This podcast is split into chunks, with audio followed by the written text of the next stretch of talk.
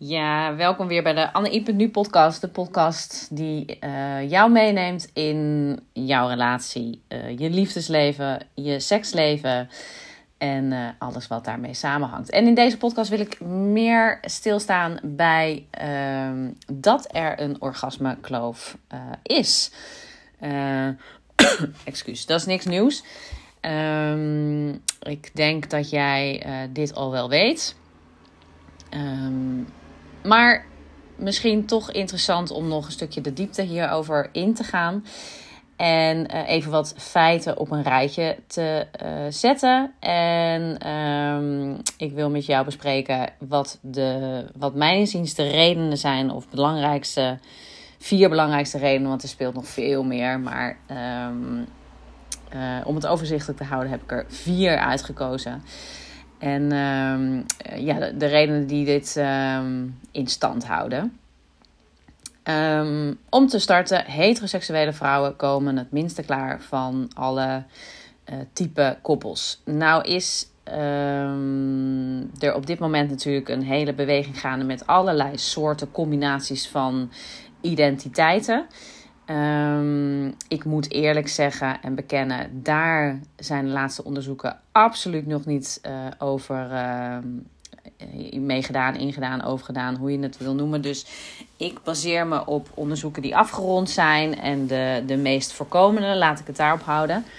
Voorkomende um, combinaties. Dus de heteroseksuele vrouwen komen ongeveer 65% van de keren dat zij uh, seks hebben of intiem zijn met uh, uh, hun partner of een ander, um, komen dus 65% van de keren klaar, ervaren dus een orgasme.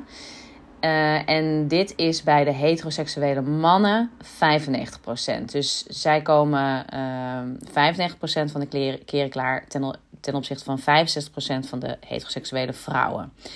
De biseksuele vrouwen um, ja, doen het uh, relatief. Um, nou ja, die, die, ja, goed, die, dat zit op 75%. De biseksuele uh, mannen en homoseksuele mannen, die komen 90% van de keren klaar. En de lesbische vrouwen zitten op 85%.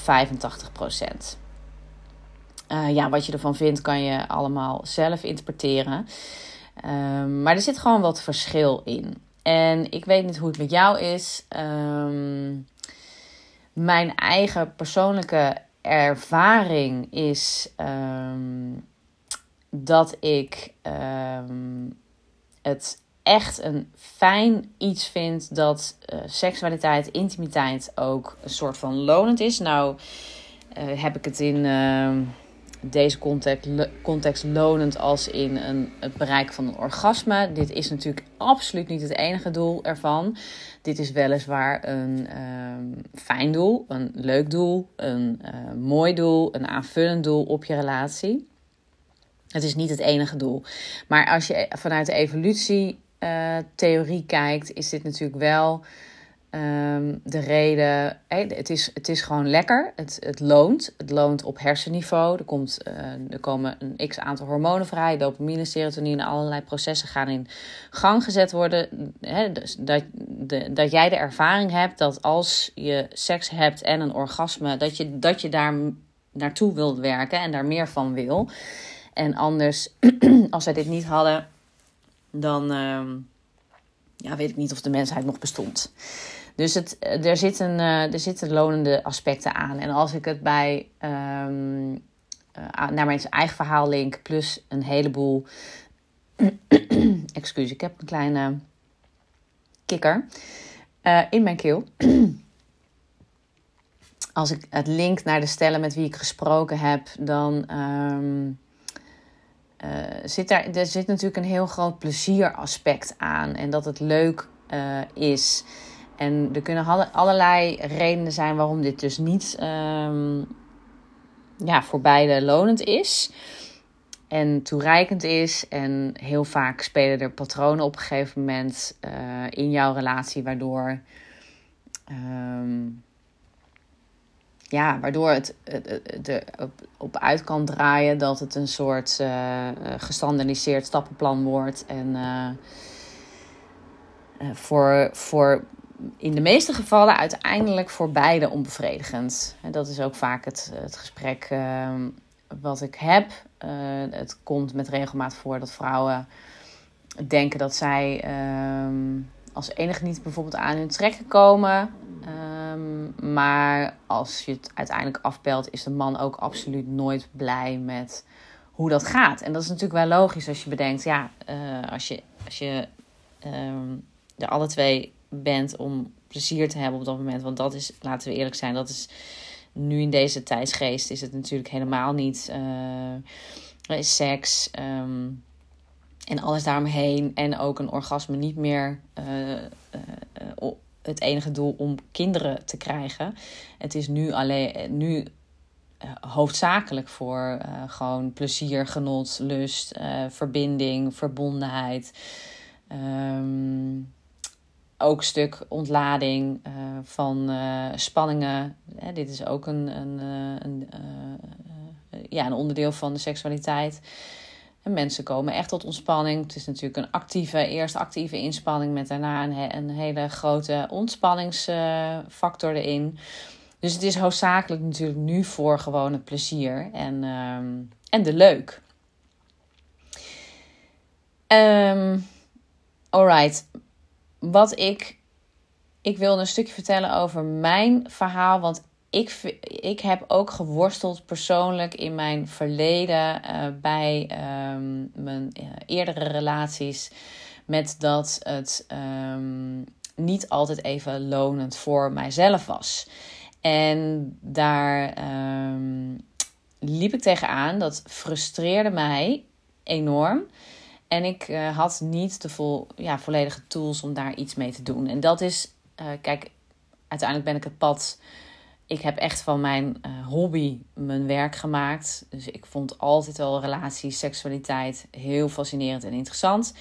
Ik denk dat iedereen dat tot op zekere hoogte natuurlijk heeft. En uh, nou ja, er zijn in mijn, bij mijn collega's natuurlijk ook heel veel mensen die van hun hobby ehm, hun werk hebben gemaakt. En ook wel op andere gebieden uiteraard. Maar ehm, de, eh, de stof die ik natuurlijk tot mij kreeg heeft mij natuurlijk absoluut geholpen bij het punt waar ik nu sta.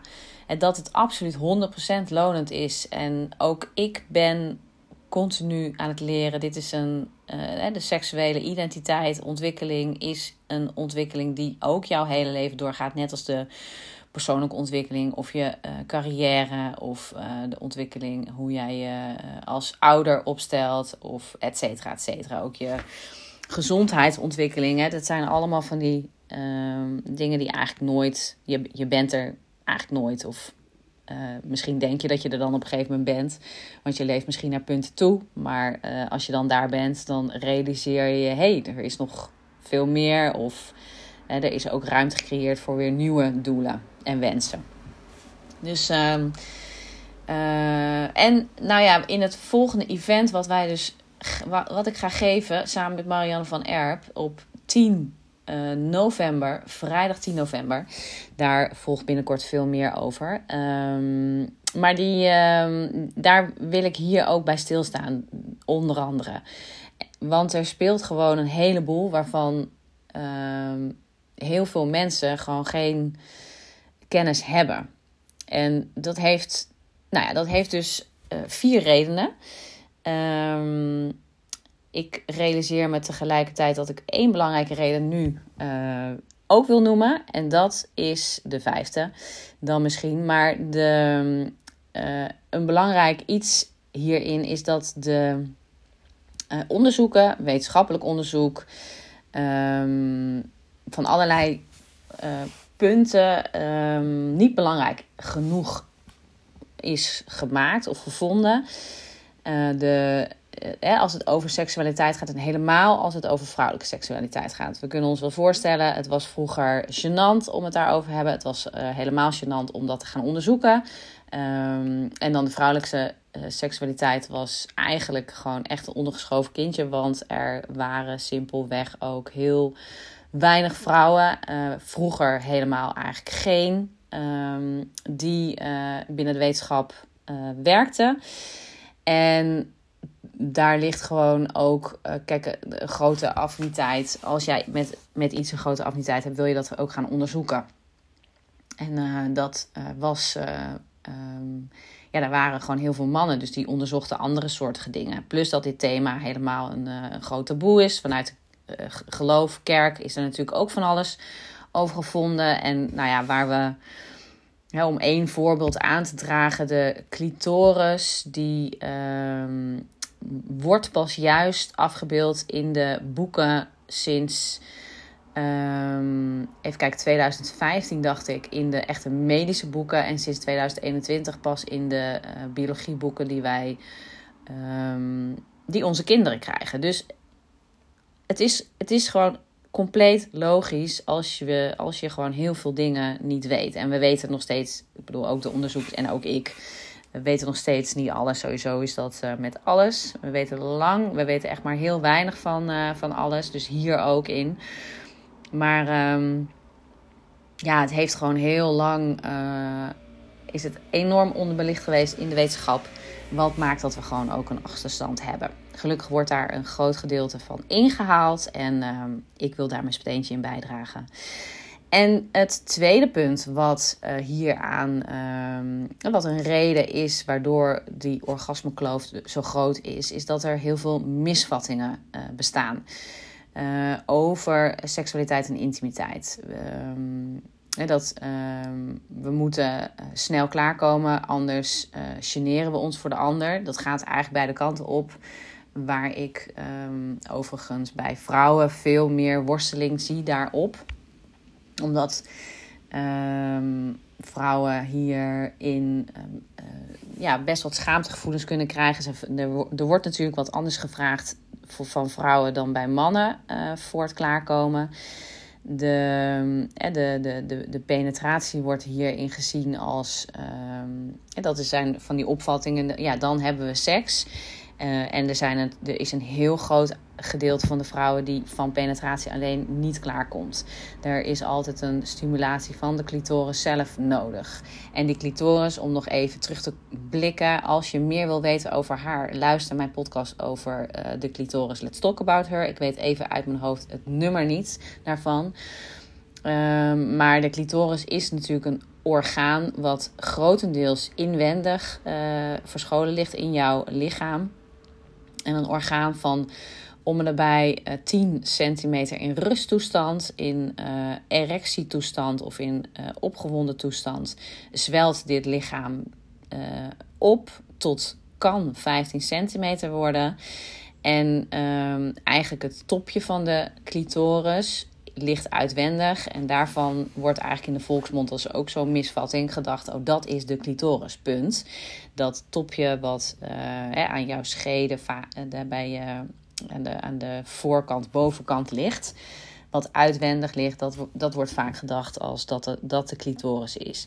Nou, dit, zijn, dit zijn een aantal van, en hier, zien we, hier zie ik echt ook een verschuiving. Dat is ongelooflijk mooi.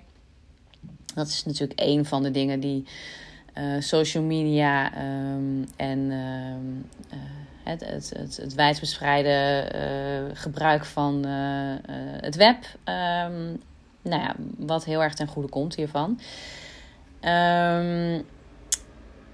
Ik heb het al even genoemd, maar er moet penetratie zijn, anders is er geen seks. En dat is ook zo'n opvatting die veel, ja, veelal heerst. Er moet dus klaargekomen worden, want dat is het doel van seks. En dan hebben we pas eigenlijk seks.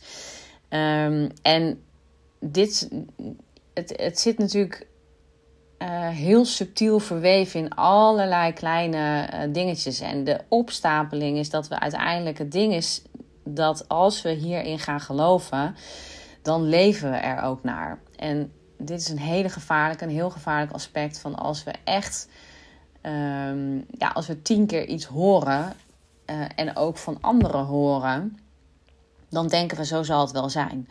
Dus dan, dan kunnen we, het gevaar loert er dan, eh, ligt erin dat je je erbij bijvoorbeeld neerlegt. Um, en dat je niet verder gaat experimenteren of um, dat, je, ja, dat je er genoegen mee gaat nemen.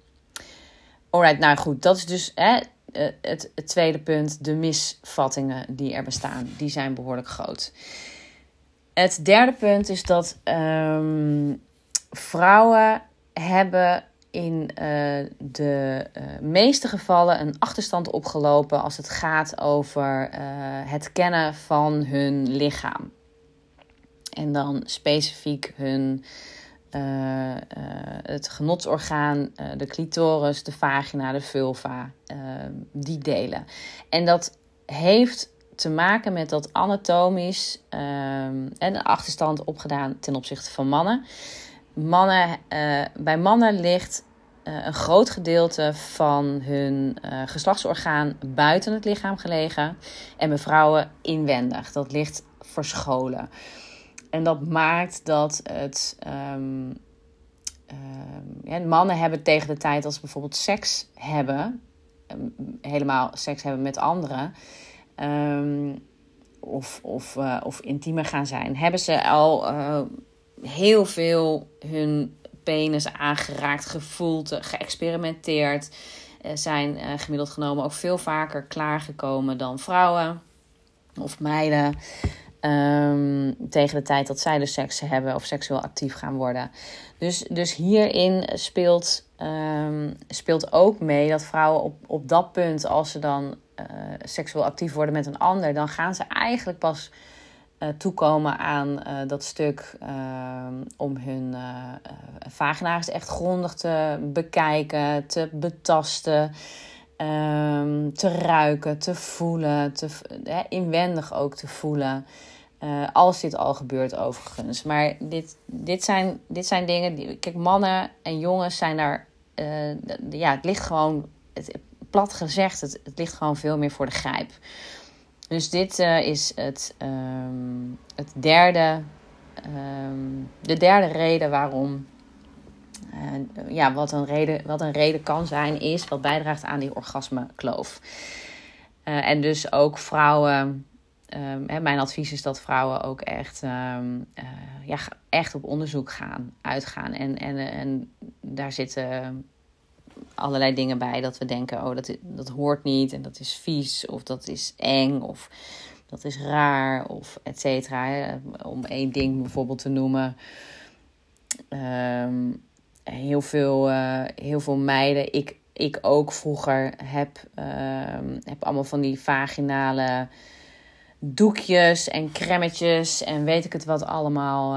Um, uh, uh, uitgeprobeerd en aangeschaft, omdat ik dan het lekkerder wilde laten ruiken. Um, het enige doel wat we hiermee bereiken is dat onze, onze huishouding van de vagina verstoord wordt.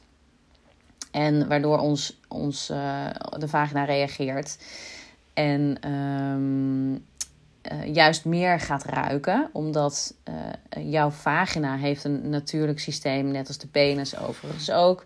Een natuurlijk schoonmaaksysteem. Hè? De, dat, dat, de, de, het, het, vocht wat ehm, vrijkomt, is gewoon een natuurlijk schoonmaaksysteem. Dus eigenlijk moet je daar gewoon buiten water om helemaal niks mee willen of doen.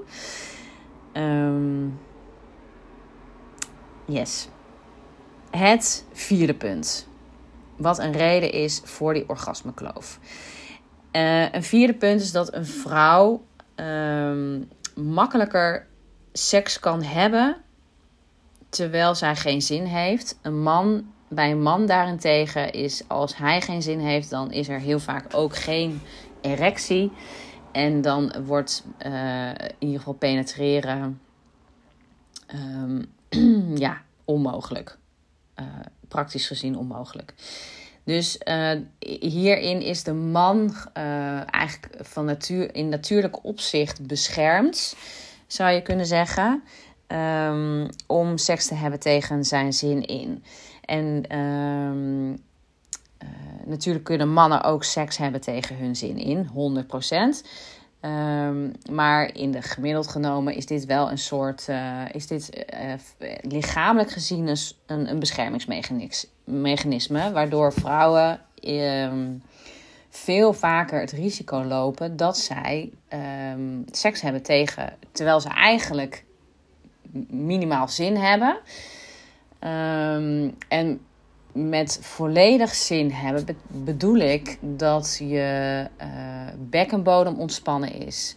Dat je um, uh, je vaginale slijm, je, je, je vocht toegenomen is. Dat, je, dat, het, dat het dus makkelijker toegankelijker is. Dat de doorbloeding op gang is. Dus dat de, de doorbloeding zorgt voor het opzwellen van jouw vagina, je Um, en je vulva lippen. Uh, ook wel schaamlippen. Maar ja, eigenlijk wil ik dat woord zoveel mogelijk vermijden. Omdat uh, het woord schaam zou impliceren dat je daar je ergens voor moet schamen. Nou, dat is natuurlijk helemaal niet. Dus ik spreek liever van de vulva lippen. Um, en, maar die, die, die functioneren eigenlijk als een soort stootkussentje voor um, uh, de seks, uh, de, de, de, uh, als het aangeraakt wordt, de penetratie, als, de, als het, als het met een voorwerp of een penis. Dus die, die, eigenlijk als die facetten er zijn, dan kun je eigenlijk pas spreken van zin. En het kan ook zijn dat die facetten er wel zijn en nog altijd geen zin is.